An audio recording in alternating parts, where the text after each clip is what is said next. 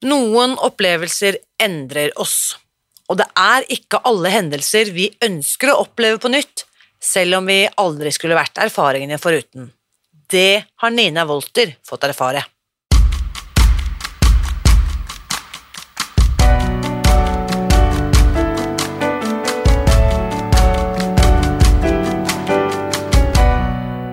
Mitt navn er Irina Lie.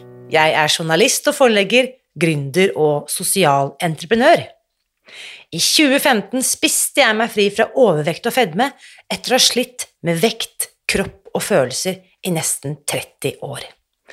Etter at jeg knakk koden, ga jeg meg selv et nytt oppdrag – å dele denne kunnskapen med alle som trenger det. I denne podkasten kan du derfor høre hele lydboken Spis deg fri. Den finner du ved å bla deg tilbake i arkivet og lytte til første sesong. Hver uke inviterer jeg nå gjester som gir deg påfyll til hodet, hjertet og magen. For min visjon er å endre Helse-Norge, og det får jeg ikke til alene. Du bidrar ved å abonnere på podkasten, skrive en omtale i iTunes og tipse meg om hvem jeg burde invitere hit. Da setter vi i gang med ukens episode. Sjelens mørke natt kaller Nina det, disse hendelsene som preger oss, og som kan endre kursen for resten av våre liv. Og kanskje kan dette perspektivet at ting skjer for en grunn, kanskje kan det gjøre det lettere å takle hendelser som der og da virker meningsløse og brutale, selv når vi står midt oppi det. Uansett så tenker jeg at Ninas historie vitner om at det finnes håp. Uansett hva du sliter med, eller hvor mørkt det måtte se ut akkurat nå. Her er ukens gjest. Kjære Nina, velkommen til podkasten. Tusen takk, Irina. Denne samtalen har jeg gledet meg til veldig lenge, og det er så fantastisk at vi kan sitte sammen i samme rom. Ja, det syns jeg òg. Det er fint å jobbe på nett, men det er deilig å være fysisk. Yes. Så for de som hører dette på podkasten, dette er også en av de episodene som vi kommer til å legge ut på YouTube-kanalen til Spis deg fri, så hvis dere vil se samtalen med Nina og meg, så kan dere gå inn på YouTube og se opptaket der. Så vi må starte, Dette er også første gang vi møtes, Nina, men jeg har fulgt deg i mange år. Og jeg har hørt mye om deg, Irina. Ja, så Det er jo morsomt at vi nå endelig mm. møtes. og Fortell litt uh, om deg selv, Nina. Du har en veldig spennende historie. Ja, jeg har jo en lang bakgrunn, kan du si. Det begynte Altså, jeg tror jo din åndelige reise begynner når du blir født, og plutselig en gang i livet så blir du bevisst på det. Og i mitt liv så var det veldig det er, Jeg kjenner Det er emosjonelt bare å snakke om det. Altså, jeg kaller det jeg møtte min sjels mørke natt midt i et ekteskap som ikke fungerte. Det var i 1999. Jeg drakk for mye alkohol. Eh, og jeg visste jeg måtte gjøre to ting i livet mitt. Jeg visste at jeg måtte slutte å drikke, og jeg visste at jeg måtte skille meg. Mm. Og det var veldig tøft å gjøre det, selv om det var mitt valg. Og da hadde jeg et år som jeg hadde det beintøft.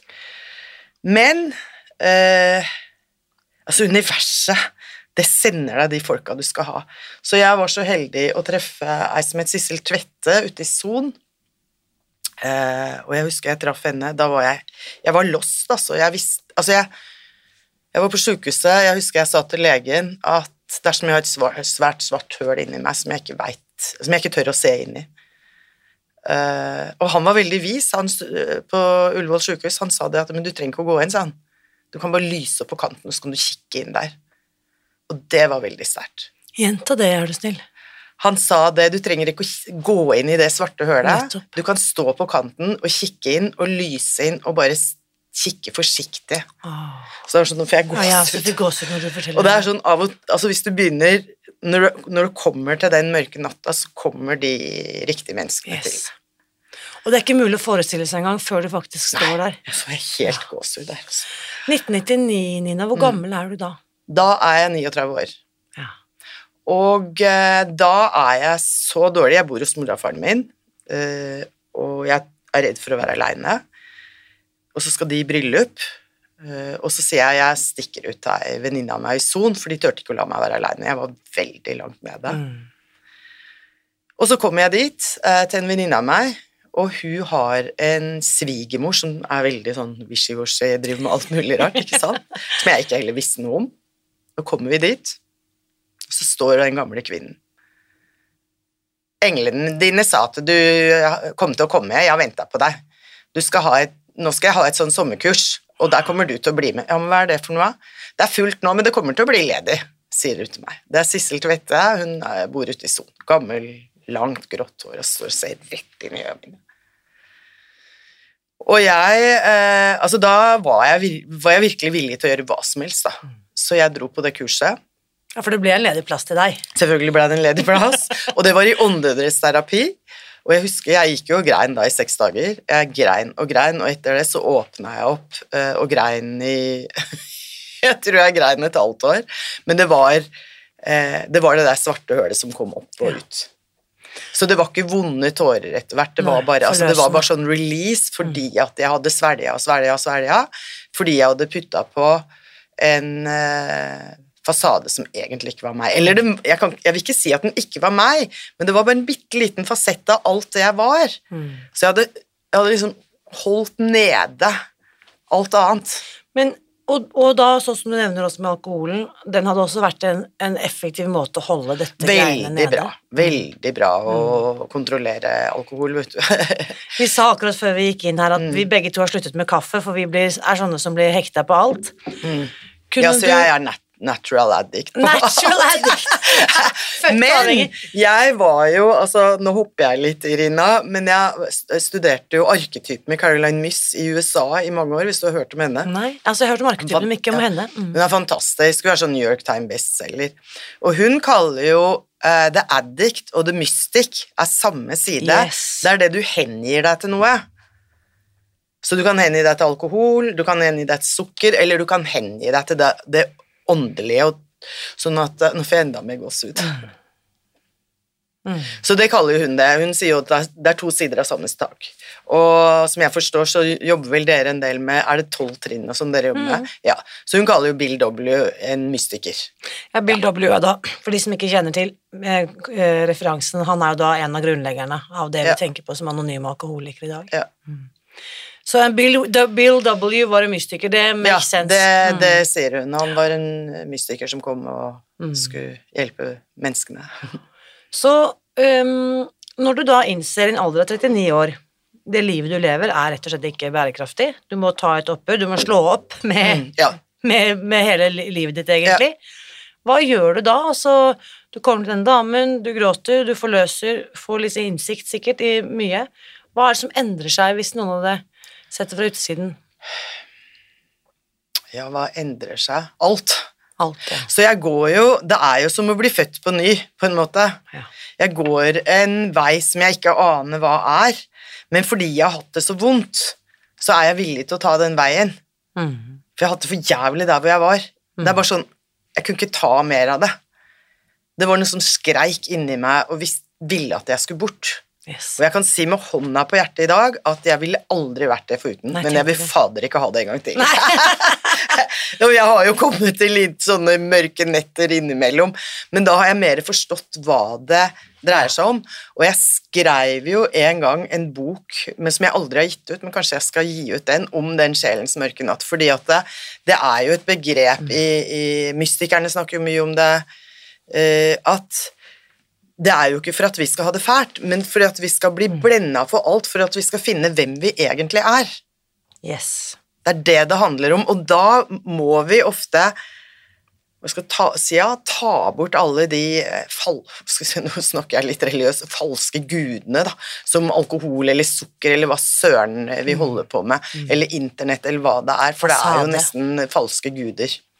Det er egentlig veldig interessant at du trekker frem, fordi den boken jeg skrev for ja, mer enn ti år siden, den som heter Shoppingfri, Mm. etter at jeg selv tok et år uten shopping, med kjøpestopp, da, så oppdaget jeg jo det. At det var på en måte litt sånn som de i religionen henviser til mammon, liksom gullkalven som vi Ja. tilber. Mm. Dette er materielle, materialistiske. Og hvis vi på en måte tar avstand fra det, så får vi egentlig helt automatisk kontakt med noe som er mye større og Ja. mye mer verdifullt. Absolutt. Og det er jo ikke det Nå må jeg legge til at jeg er ikke sånn antimaterialistisk i det hele tatt, men hvis det er det vi tilber Altså, det er noe som vi kan hva skal jeg si, ja, Du kan bruke det som krydder i livet, men det er ikke livet. Nei, nettopp. Ikke Så hvis jeg definerer meg med alt jeg kjøper, hvis jeg definerer meg ut fra alt jeg eier, eller hva jeg liksom har, så blir det et veldig fattig liv. Det blir det. Så jeg har jo et prosjekt jeg gjør i Indonesia. Jeg jobber i fengsler med jenter. Altså, de har jo mista alt. De har, det er jo stort sett drug trafficking. Mange av de er veldig Altså, du ser det, halvparten av de er superuskyldige. De har bare fått eh, eh, skal få penger for å ta en tur, og de skjønner ikke helt hva de skal. Ikke sant? Så plutselig får de 20-30 år, de skal sitte i fengsel, og de er da 20 år gamle. ikke sant? Er dette vestlige jenter? Noen er vestlige òg. Mm. Helt, eh, Eh, altså, vi, og- vi, vi hører jo om dem av og til, hvis Ja. det er en norsk jente som klarer Ja. å forville seg borti noe Ja. sånt dumt, men uh, det er jo mange. Men det jeg jobber da, er jo mye med det at hvis du har mer fokus på innsida enn på utsida, så har du ikke mist... Altså, da sitter du igjen med mer enn det du har mista, uansett. Mm. Så hva skjer med alkoholen, Nina? Hvordan klarer du å slå opp med den? Altså, jeg brukte jo tolv trinn, Ja. og det er jo en del av livet mitt i dag òg. Mm. Det er ikke så mye jeg, ofte jeg snakker om det, egentlig, kjenner jeg. Mm. Eh, det er ikke, og grunnen til det, Irina, er at jeg har ikke lyst til å ha min identitet med det, men siden vi sitter her og snakker, Mm, du og jeg, og vi kjenner tolv trinna begge to, så velger jeg å snakke om det i dag. Fantastisk, takk for at du deler. For at det tenker jeg er kjempeviktig, uansett hva jeg sliter med av avhengighet, og Mm. Ja. som jeg føler at jeg er overmannet over, så finnes det faktisk en løsning. Tolv trinn er fantastisk livs, det er er religionen min. Og jeg, jeg er så utrolig takknemlig for at jeg ble introdusert for det, for ja, det er vel en tolv år siden snart. Mm. Det er verdt et før og etter. Ja. Det er et før og etter. Så jeg har jo 23 år som jeg ikke har drukket alkohol. Gratulerer. Takk. Og det Når jeg slutta, så var det veldig mye at jeg ville være en god mor. Jeg hadde en sønn. Mm. Og så Hvor gammel var han når du var 39? Han var åtte. Han var åtte år. Ja. Mm. Så han, I dag så har vi et veldig nært og fint forhold. Jeg eh, er jo veldig åpen med han på alt. Han husker ikke mye. Jeg skjulte det mye. ja, det er klart. Jeg hadde ikke så mye Jeg var ikke en partydrinker, jeg var en eh, problem Altså, jeg kunne godt drikke lettøl, jeg, på fest, altså. Jeg drukna Ja. sorgene mine med alkohol, jeg. Ja. Så folk flest visste kanskje ikke at du hadde et problem? Nei, de visste ikke så mye. Nei. De trodde at det var på grunn av ekteskapet mitt og sånn. Ja, ikke sant. Det er så interessant det der at når, i forhold til mat og den reisen jeg har hatt, så sier folk sånn Herregud, Rina, du var jo knapt overvektig, liksom. Jeg skjønner ikke hva som var Altså, hæ, har du hatt et vektproblem? Og så tenker jeg at det er umulig å vurdere noen fra utsiden, Mm. hvordan de har det på innsiden. Så det er egentlig bare viktig å ha med seg at på, på, på seg selv kjenner man egentlig heller ingen Ja. andre. Og du kjenner Og jeg var heller ikke sånn Altså, jeg har Jeg tror jeg vel aldri har vært så suksessfull som når jeg slutta å drikke. Jeg hadde et Mm. fantastisk hus, jeg drev en barnehage med 40 unger. Eh, Jeg har alltid vært sånn når jeg først gjør noe, så gjør jeg det veldig, da. All in. ja. Jeg klarte jo Og så drev jeg en blomsterbutikk, og så jobba jeg som eh, makeupartist på eh, Si. Ja, du kjente deg ikke?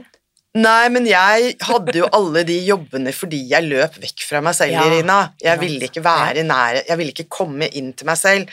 Og når, når jeg starta den barnehagen, og så eh, begynte den å gå av seg selv, for jeg er ikke barnehagetante, sånn i type, og jeg, jeg administrerte det. Eh, Mm. Og det var jo når jeg hadde barn selv som var i barnehage, ikke sant Ikke sant? så begynte den å gå av seg selv. Og da måtte jeg finne på noe annet. Fordi at da begynte jeg å få øh, mulighet til å være litt i kontakt med meg selv. Så begynte jeg, måtte jeg løpe. Og så visste jeg at hvis jeg jobba, så drakk jeg ikke.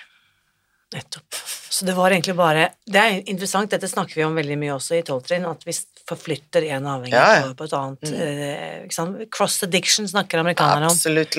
Ja. Så fikk du Identifiserer du deg som workaholic også? ja, det gjør jeg. Men, og jeg kan vel Jeg veit ikke helt, egentlig. Jeg veit ikke helt, fordi at jeg føler at eh, det er ikke noe konsekvenser. Jeg kan legge det bort hvis jeg vil. Ja, det er Så, altså, det, det, så, så det er interessant, for jeg føler at den addiction blir når det blir konsekvenser som styrer livet ditt. Ja. Og jeg elsker å jobbe. Jeg elsker, jeg bor jo Akkurat nå bor jeg ute på Nakkholmen, jeg har en hytte der ute. Eh, og jeg elsker å sitte og jobbe, men eh, jeg elsker også å dra på retreats, eksempel. Så jeg er litt sånn all in. Jeg kan sitte og jobbe masse i tre uker, og så kan jeg ta én uke totally off og være i et stillhetsretreat. Men jeg føler det er ikke noe Altså hvis eh, Det var ikke sånn at nei, jeg kan ikke treffe Irina i dag fordi at jeg må jobbe, liksom. Eller hvis det er noe som skal skje, eller noe sånt, så har jeg ingen problemer med å rydde bort. Er, jeg syns det er interessant dette her med For jeg har gått i flere år også på en måte sett på min egen, kall det workaholism. Og jeg er litt på lag med deg, altså. Og, og kanskje er det en sånn benektelse at jeg egentlig ikke vil se på hvor ille det er. Men jeg føler at jeg har klart å finne en balanse. Nettopp, For jeg har i mange år også levd med ubalanse i forhold til jobb, Mm. hvor det bare har vært jobb, jobb, jobb. Ja. Um, men um, nå føler jeg egentlig at det er en bedre balanse enn det har vært noen gang. Og, da er det, og, og jeg tenker også at den derre kreative kraften da, som noen Ja, av oss har, Absolutt. den skal vi jo heller ikke liksom Nei. holde undertrykt. Den er jo viktig for utløp. For vi må snakke om alt det du har produsert, med, Ja. ikke sant? nå som du ikke holder på med blomster og eh, barnehage Men jeg skal bare si litt Ja. hva som skjedde etter det. Så kom jeg over en feng shui-bok, og jeg blir da helt hekta på det. Og så finner jeg meg en sånn feng shui-mester, og så begynner jeg å studere. Og så er jeg egentlig fremdeles veldig nede. Jeg, men jeg orker ikke å gå sjukmeldt, for jeg har funnet denne gamle damen som hjelper meg å puste, og jeg har funnet ro. Endelig så har jeg faktisk klart å funne ro. Jeg har klart å sitte aleine og grine. Så vi selger eiendommen vår, og jeg bare velger å leve av det, for jeg bare orka ikke å gå til leger, og jeg husker jeg fikk noen sånne piller mot depresjon som jeg ble helt uvel av, altså, og så orka jeg ikke å ljuge, for da hadde jeg begynt med de tolv trinna, ikke sant, så jeg var virkelig det å leve en ærlig livsstil, så ikke hadde jeg lyst til å gå til legen, ikke hadde jeg lyst til å krangle med noe om at jeg ikke skulle ta piller, altså alt, så jeg bare valgte, ok, jeg har solgt den eiendommen, nå bare gir jeg meg selv tid. Ja. Så feng shui for de som ikke vet hva det er. Det er rett og slett en måte å uh, arrangere hjemmet ditt på, og grunnen, jeg tror en av grunnene til at eh, jeg ble så interessert i det, var at jeg bodde i en fantastisk eiendom, men jeg hadde det så dårlig. Mm. Liksom, og akkurat når jeg hadde det dårligst, så skulle jeg egentlig ha det veldig bra. Ja. Mm. Mm. Og da kom interessen nettopp for liksom, hvordan er det jeg rigger livet mitt, Ja. egentlig. Mm. Og så har jeg alltid vært veldig kreativ og veldig elsker eh, alt som har med farger og form og, og så følte jeg egentlig at litt av den nye verden jeg hadde oppdaga med healing og alt det, kunne liksom sammensveises med Yes. den uh, Det er det som er så fordi For det er jo gjennom bøkene dine at jeg har oppdaget deg, og det er flere år siden. Denne her er jo fra 2021. mm, Eh, Det var balansekalenderen, den årgangen der, men den varer jo evig. Altså, jeg tenker den her skal jeg ta vare på for alltid, selv om den er knyttet til det året, for det som står her, er jo så tidløst. Så balansekalenderen er det sikkert mange som kjenner til, som du har gitt ut i flere år. mm. Men du har også skrevet en bok om rydding, ryddeyoga, den har jeg også hjemme. Hvordan, og det, det er det som er så interessant, hvordan du trekker ned ulike på en måte tradisjoner, kulturer, jeg holdt på å si religioner, har egentlig ikke så mye med religion å gjøre, men spirituelle retninger da, Mm. og så gjør du det veldig konkret. Ikke sant? Ja. Eh, kan vi ikke snakke litt om rydding? For Ja. du er jo, veldig mange kjenner deg jo også som eh, rydde-Nina, holdt jeg på å si. Ja.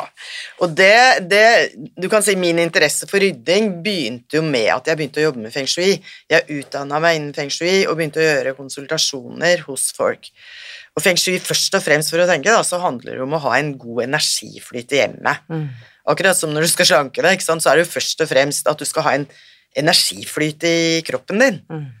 Det er jo ikke akkurat bare flesket du snakker om, ikke sant? Det er jo den følelsen på innsida. Uh, så du kan jo si at feng shui er jo nesten den følelsen du har på innsida av hjemmet ditt. Men uansett hvor jeg kom, så var det jo bare kaos og rot. Ja.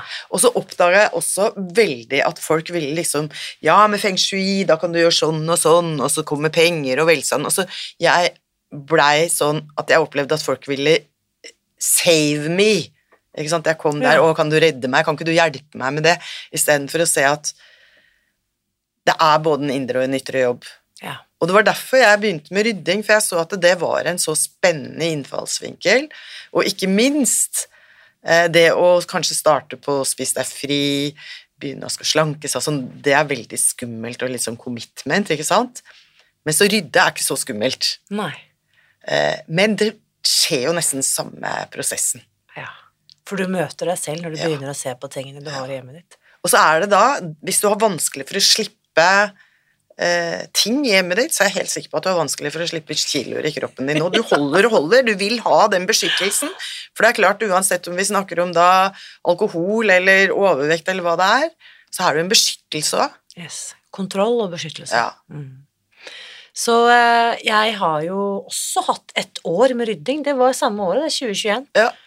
Tok jeg altså hele Da tok jeg liksom inkludert kjeller og loft. Nå har jeg ikke loft, da, men altså bokstavelig talt. Tok Mm. hele greia. Og da leste jeg også Ryddemagi-boken din, og jeg liker hvordan du på en måte definerer ulike soner i hjemmet som repres Ja. representasjoner av ulike energisentre. Absolutt, så det er jo chakraer da, som jeg også er veldig opptatt av. Du kan si at eh, balansekalenderen bygger jo på de fem elementene eh, som vi bruker i feng shui, eller som du bruker i all kinesisk filosofi. Yes. Og det handler jo om at hver sesong har sin energi. Og du merker jo ute nå, nå er det vår, altså du kjenner det, Mm. begynner å krible. Kreativiteten begynner å våkne, ikke sant? Så hver sesong har jo sin følelse, sine farger, alt det er jo det som balansekalenderen er bygd på. Og så har vi chakraene, det kan du heller kalle som databaser som sitter i kroppen vår. Ja. Så de sitter som minner. Vi snakker da i den hinduistiske tradisjonen om syv energisentre, eller syv Ja. chakraer. Ja. Eventuelt et åttende hvis man tar med Ja. det, eller Det er jo tolv, Tolv, altså det er jo så mange, hele... men jeg liker å ta med bare de syv de som er veldig sånn konkrete. i fysiske Og jeg har også skrevet en bok da som heter Chakrareisen. Ja, og fortell litt, hva er det og du, du nevnte at du har et prosjekt i Indonesia, for du står egentlig med én fot i, i hver del av verden. Ja, Du er også store deler av året i Østen. Hvor er det Ja. du har base? Er det Sri Lanka? Sri Lanka som jeg har base. Og det er jo også en veldig spesiell historie, da. For jeg, eh, når jeg studerte i USA, så fløy jeg hjem til Norge, og så hadde jeg en stoppover på Amsterdam. Og en morgen, sånn, sant, når du kommer fra USA, så det alltid, kommer du veldig ofte tidlig om morgenen. Det går også så masse direktefly, men den, den tida der så gjorde det ikke det. Og der sitter en buddhistmunk. Og jeg ser på han og han ser på meg, og så begynner vi å le. Altså, det var helt merkelig. Det var bare meg og han i gaten. Så kommer han og setter han seg ved siden av meg, og så sier han det. Do you know my very good friend Mr. Bondevik and Mr. Solheim? I'm going to have a meeting with them. For da er det full krig på Sri Lanka, og han skal opp da og, og ha møte med Norge og sånn. Mm. Og jeg eh, har jo vært, egentlig, har vært mye i buddhismen.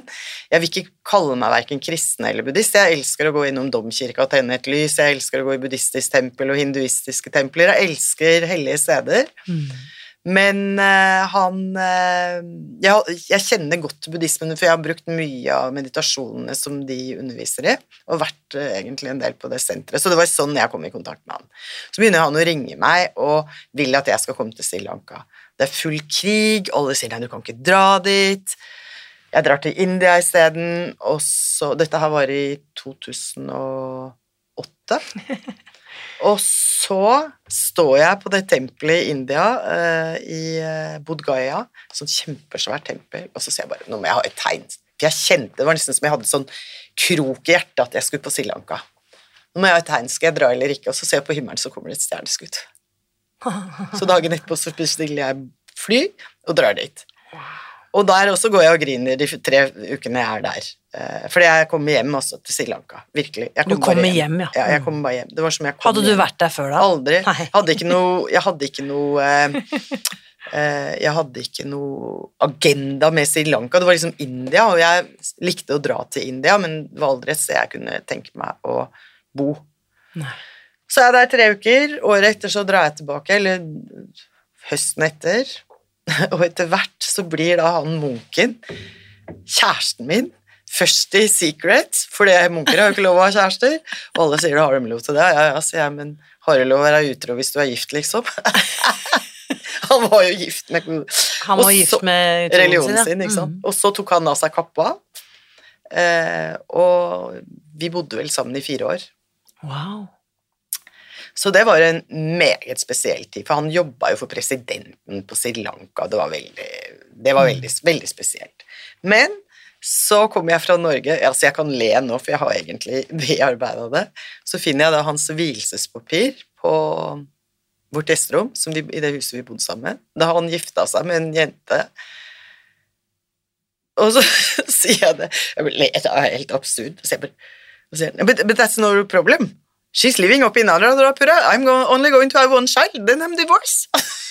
Så han har da giftet seg mens han er sammen med deg? ja, mens jeg har vært i Norge på Ornado. Ja. Hmm. Ja. Men da, gjorde, da tok jeg et valg, Irina, som jeg har vært med meg resten av livet. Og det er at jeg bestemmer meg for at eh, nå skal jeg være her aleine, og jeg skal klare å Mm. ta tilbake livet mitt. Jeg kjente ikke et menneske. Jeg hadde ikke penger, for vi hadde drevet et teselskap som eh, gikk konkurs. Og, men jeg tenkte dette her skal jeg klare. Så jeg bodde i et nabostrøk. Jeg var eneste lyset. Det var bare lankesere rundt deg. Jeg kjente ikke et menneske. Snakket du med språk på denne tiden, eller? Tiden? Nei, bitte, bitte, bitte litt. Ja. Jeg hadde en hushjelp som kom av og til, og hun hadde jo nesten ikke penger til å betale, men eh, hun kom og hjalp meg litt, da. Bare så så at jeg faktisk var i live. Du veit ikke hva som kan skje ikke sant? når du er helt aleine så langt unna Norge. Så starta jeg mitt første online-kurs, og da var det jo Det var i Feng Shui, og da var det Da var det sånn at jeg hadde jo nesten ikke penger til å kjøpe internett. Jeg måtte liksom spare på internettet mitt, så jeg satt jo på kafeer, og der kjøpte jeg én kopp te. Mm. Utrolig. Men det solgte bra, det. Det var mitt Feng Shui living. Det, da solgte det bra, og jeg tok tilbake livet mitt. Eh, Og dette er da i 2012 eller noe sånt, da? Nei, altså jeg bodde jo med munken en stund, så dette her er jo da i 20 Det er ti år sia nå. Ja. Ja, 2013. ja, Mm. som jeg begynner da. Fantastisk spennende. Og det solgte jeg faktisk Første kurset solgte jeg for Jeg solgte for- et par hundre tusen, vet du. Men fy fader, jeg satt Det var Men å stå der og gå gjennom det aleine, det har gjort at hva fader kan ikke jeg klare i dag? Så det har gjort meg, og det er jeg helt sikker på Mm. Selv om jeg ikke kjenner deg og hele den historien din, Irina, det har jeg veldig lyst til å høre en dag, så er jeg sikker på at du også har vært noen sånne steder, og når du tør å gå gjennom det, Ja. Så får du en det, ballast i livet, den, altså. Og den ballasten, den får du ikke ved å lese om det i en bok, eller se en film, eller på en måte tenke på det. Det er det jeg tenker at de som kanskje som hører på også, som står midt i en livskrise, det er vanskelig å fatte og forstå hvorfor dette skal skje meg. Men looking back, da, 10 eller 12 eller 15 år senere, bare Jeg ville ikke vært foruten, sånn som du sa i stad, og jeg ville helst sluppet å gå gjennom det på nytt. Mm. Men skulle også en sånn eh, tsunami med følelser bli overvelde meg, så vet jeg at jeg har de verktøyene jeg trenger for å stå i det. mm, Og det har jo vært mange, altså min store sånn breakdown, det er litt tilsvarende som det du beskriver, med et samlivsbrudd og hvor alt fundamentet i livet bare blir revet vekk, så er det likevel det at eh, alle kriser som har kommet etterpå eh, Ja, jeg vet at jeg har overlevd det verste som jeg Ja. kunne oppleve i livet Mm. mitt. Så ikke sånn bring it on, ikke sånn liksom uvørent, men jeg har det jeg trenger for å ta vare på meg selv mm. hver dag. Ja. Selv om jeg ikke helt vet hvordan jeg skal ta vare på meg selv i morgen, så har jeg i hvert fall det jeg trenger for å ta vare på meg selv i dag. Mm. Mm. Og det gir en sånn ekstrem trygghet. Det gjør det, altså. Det, det, det Så det er litt det der paradokset, altså. Mm. Å tørre å kaste seg ut i det totalt utrygge. Mm. Det er der du finner tryggheten. Det er der du finner tryggheten. Det er det som er så kontraintuitivt. Altså, livet er paradoks, tenker jeg. Veldig. Ja. Så nå, da. Spole frem ti år. Ikke sant? Du har gitt masse bøker. Sett utenfra så er det lett å tenke at eh, Nina har alt på stell, selger masse online-kurs, er en stor eh, ressurs for veldig, veldig mange mennesker. Sikkert mange som følger Spis deg fri, som også kjenner til deg fra tidligere. Men likevel, hva vil du si liksom er pilaren i livet ditt, eller eh, Nå Mm. Altså, akkurat nå er jeg i en transit igjen. Ja, det er spennende. Jeg er det, og jeg kjenner at eh, jeg trodde at Sri Lanka skulle bli det landet jeg ble gammel i, og som jeg skulle liksom Jeg skulle bo i Norge, og jeg skulle bo halvåret på Sri Lanka. Men jeg tror ikke det lenger. Nei. Eh, Jeg kommer nok alltid til å ha Sri Lanka som et sted å komme tilbake til, akkurat som ditt lille barndomshjem, og med venner og sånne ting. Akkurat i vinter så har jeg en gammel mor som skulle ta en hofteoperasjon, og så, så, jeg, så spurte hun meg om jeg kunne være hjemme, og så Ja. tenkte jeg ja, ok. Og så ble det utsatt av hun fikk influensa, og da bare sånn åh, gud. Så jeg var to måneder i Florida. Ja. Jeg har, no, jeg, jeg har jo venner over hele verden, er egentlig. så der er det en venn av meg som har en uh, leilighet som han nesten aldri bruker, for han bruker rundt om, bor rundt omkring i verden, så jeg var der et par måneder. Og jeg er ikke sikker på hvor jeg Nei. skal være, rett og slett. Men du sa jo når du kommer, for du Mm. har egentlig hele kontoret ditt i den ryggsekken Ja. du bærer med deg. Du Mhm. trenger ikke mer enn en laptop, du heller. Jeg trenger ikke mer enn en laptop. Og jeg har hytta på Nakkholmen, og den elsker jeg å være i, men Mm. det er ikke et ideelt sted å bo når jeg er eh, når det er vinter, altså. Nei, Nå går jo siste båten min går jo ut klokka fire, ikke sant. Kan jeg spørre deg, Nina, hvor gammel er du? Jeg er 63 år, jeg. 63. Mm. Du ser jo helt strålende ut. Takk. Altså Så forresten så gikk jeg ned på i, Det snakker om eh, spis deg fri og sånn. Jeg gikk ned åtte kilo jeg, i vinter. Ja. Mm. Men du har følge spis deg fri, eller gjøre noe annet? Nei, jeg går på stranda to timer hver dag Ja. i våt sand og trene. Jeg er også gammel bodybuilder, Irina, selvfølgelig. Jeg skal vise deg bildet etterpå. Så jeg konkurrerte jo da jeg var ung, så jeg, eh, jeg fikk en sånn Nei, nå har jeg lyst til å gå tilbake og begynne å trene litt på Yes. gym igjen. Men apropos energi, Mm. for jeg har hatt flere Altså før spiste jeg fri, da, og da var trening noe jeg gjorde for å temme kroppen, kontrollere Mm. vekten, tvinge meg ned i vekt. Veldig, hva skal vi si, bad energy. Ja. Etter at jeg spiste meg fri, så er trening, eller bevegelse som jeg liker å kalle det nå, noe jeg går inn og ut av, Mm. for jeg kjenner at det gjør kroppen godt. Det Og- er så deilig. Og, Ja. Men også lange perioder, hvis jeg har lite energi, så kan jeg godt ligge på sofaen og hvile og, og ta det helt Mm. rolig. Og ikke sånn, og jeg burde ha trent tre ganger i uken. Men nå igjen så er jeg inne i en sånn steam, og sånn som du er inne på, våren kommer, lyset og alt dette her. Mm. Og da kjenner jeg helt naturlig at jeg vil bevege meg mer. Ja, det var så deilig å begynne å pumpe jern igjen, altså. Ja. Det var det. Det var dødsdeilig. Så borte i USA så trente jeg nesten hver dag. Der er det jo de supersvære, superfancy gymma, ikke sant. Og jeg har jo trena så mye, så jeg er jo nesten sånn at jeg løper etter kroppen min for å se hva den vil ha i dag, ikke Ja. sant. For den kan trene. Men jeg er også veldig glad i yoga. Så jeg går tur. Eh, Jeg har Morgenrutinen min er veldig dedikert. Det tar meg et par timer i hvert fall. Jeg mediterer en time. Det gjør, jeg. jeg har veldig meditert i min meditasjonspraksis. Det tror jeg har vært siste halve året. Ellers har jeg vært on off. Jeg har meditert i mange mange år, men nå er jeg totally dedicated. Altså. Yes. Og det er, er det- så deilig. Ja, det, dette liker jeg, elsker jeg å liksom grave inn i. Sånn, beskriv liksom første timene av dagen til Ja. Nina. første jeg gjør, er at jeg setter meg opp. Og da, Jeg liker å gjøre en guida meditasjon, og jeg har vært litt på retreat med en som heter Joe Dispenza, hvis du hørte om han. Han er jo helt fantastisk. Jeg har akkurat vært på retreat med han har du det? Hvor da? i Polen. Oh. Dette må vi snakke mer om, men det må vi ha en egen episode om, føler jeg. Ok, setter deg opp, ja. Mm. Så øh, jeg setter meg opp, og jeg har, da kan du, kjenner du sikkert til morgen- og kveldsmeditasjonen hans. Mm. Ja, så jeg gjør jo de. Mm. Morgen og kvelds. Så jeg starter med morgenmeditasjonen, men jeg er veldig glad i vipassana, og vipassana-meditasjon er jo Det kalles jo også en sånn fokusmeditasjon. Det er jo bare å lytte Kjenne på pusten på Ja, nesa. ja. Så jeg liker veldig godt å både ha stille og guida, Ja. egentlig. Og jeg gjør du begge deler hver dag, eller? ja. Ja. Så jeg setter meg opp, og så gjør jeg den guida morgenmeditasjonen, for den er jeg veldig glad i, til Joe. Og så fortsetter jeg å gjøre litt eh, Så gøy at du har vært med han, da. Herregud, han er jo bare superkul. Så jeg er superfan av han, jeg òg. Men eh, så gjør jeg vipassana. Tar jeg det kanskje 20 minutter. Står jeg opp, og så gjør jeg yoga. Da gjør jeg sol... Jeg gjør litt eh, ashtanga-yoga. Jeg gjør solhilsen A og B, i hvert fall. Fem ganger fem. Fem A og 5B. Hvis noen lurer på noe, har, ikke peiling på noe av det Nina refererer til. Alt dette er veldig lett å google. Eh, solhilsen, Solhilsen A og B. og solhilsen B. 5 pluss 5. Det Ja, er fin. 5A og 5B. Mm. Ja. Så skriver jeg morgensider. Hva er det for noe? Skriver du ikke morgensider da, Iran? Jeg skriver mye, men hva, hva, hva Og morgensider, det skal jeg fortelle. Yes. Det er alle som er på mine medlemssider og sånn, blir preppa i hvor deilig det er med morgensider. Morgensider er Det er en forfatter, hun heter Julia Cameron, jeg vet ikke om du har hørt om henne. Hun, hun har skrevet en bok, den er steingammal, men den er litt sånn evergreen. Eh, The Artist Way heter den på engelsk. Ja, den om. Kreativitet heter den vel på norsk.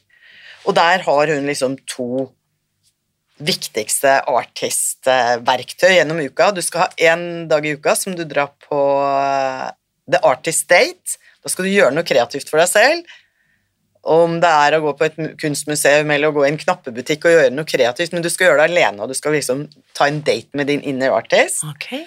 Og så skal du skrive morgensider. Det er tre av fire sider, og de skal du bare skrive. Altså Uff, i dag har jeg ikke lyst til å skrive. Nei, dette er bare Nei, nå suger det. Uff, jeg veit ikke hva jeg skal skrive. Så du, du tømmer sinnet. Så jeg skriver morgensider. Wow. Så ikke noe ytterligere Det er ikke noe spørsmål du skal besvare, det er ikke noe sånn journaling Nei, nei, prompts, overhodet ikke. Du skal bare ta alt som detter ned. En, en, en tømming, rett og Ja. slett. Mm. Uh, og det kan være Det kan du også google. Julia Cameron, 'Morning Pages', kan du google. Yes, det ligger noen videoer er der på det. Hun er spennende. fantastisk Og jeg traff henne, det var når jeg skulle gi ut uh, ryddeyoga, uh, boka mi om rydding. Så var jeg på en sånn workshop med House i Bristol, og der traff jeg henne. En litt sånn wise old lady. Hun også er tolvtrinnsdame, by the way. Fantastisk. De er som regel vise, de wise eh, old eh, tolvtrinnsdamene, Ja. ikke sant? Så sier jeg til henne det, eh, at eh, ja, jeg pleier å gjøre morgensider sånn on-off, og så ser hun på meg, og så sier hun Ah, jeg snakka akkurat med en av elevene mine, han sa det samme. Nei, han sa til meg at jeg gjorde Jeg gjør alltid morgensider når jeg har litt problemer i livet. Og så så jeg på han, sier og så svarte jeg Kanskje hvis du gjør morgensider hver dag, så får du ikke problemer i livet. så det var veldig bra. ja. Det er et godt argument. Den, Ja. den kjøper jeg. Ja. Mm. Så det gjør jeg, og så går jeg tur. Mm. På øya mi. Eller om jeg, hvor jeg nå Hvor er enn du måtte være. Ja.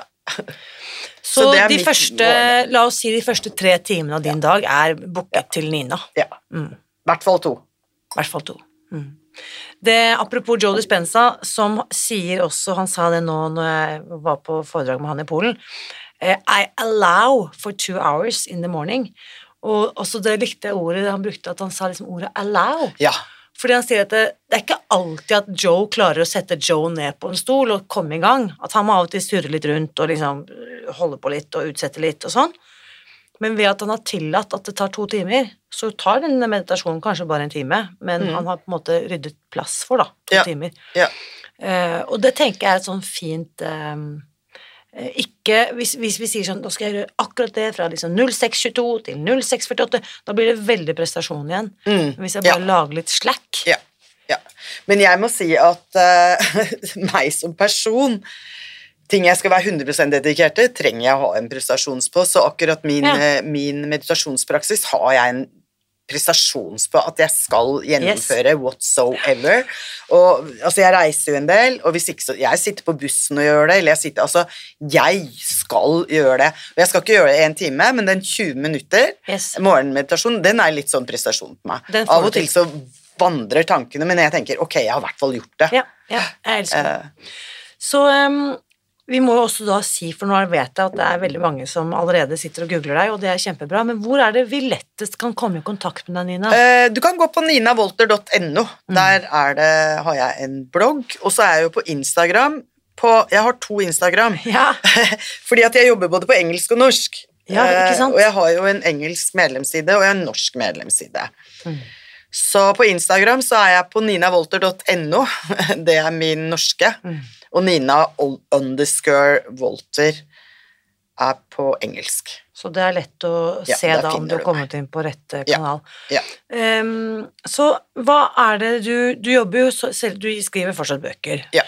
Um, og så har du også retreats på Jeg har hatt retreats. Uh, nå jobber jeg med å bygge opp en Altså, jeg har en medlemsside på norsk som heter Shakti Wisdom, som følger veldig de sesongene. Vi har challenge Jeg har eh, lærere. Jeg skal ha lunsj med en av lærerne mine etterpå, som er meditasjonslærer, faktisk. En som jobber rett her nede, som heter Henrik. Kjenner du han?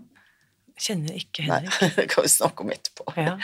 Men, eh, men så, så Ja, jeg har litt forskjellige lærere, som har alt fra yoga Jeg har akkurat nå, seinere, så er det en gutt fra Peru, en peruer slash amerikaner. Er litt folk jeg treffer rundt i verden. ja, som som du inviterer inn Ja. og hoster eh, Ja. som har eh, foredrag workshops og og, sånne ting.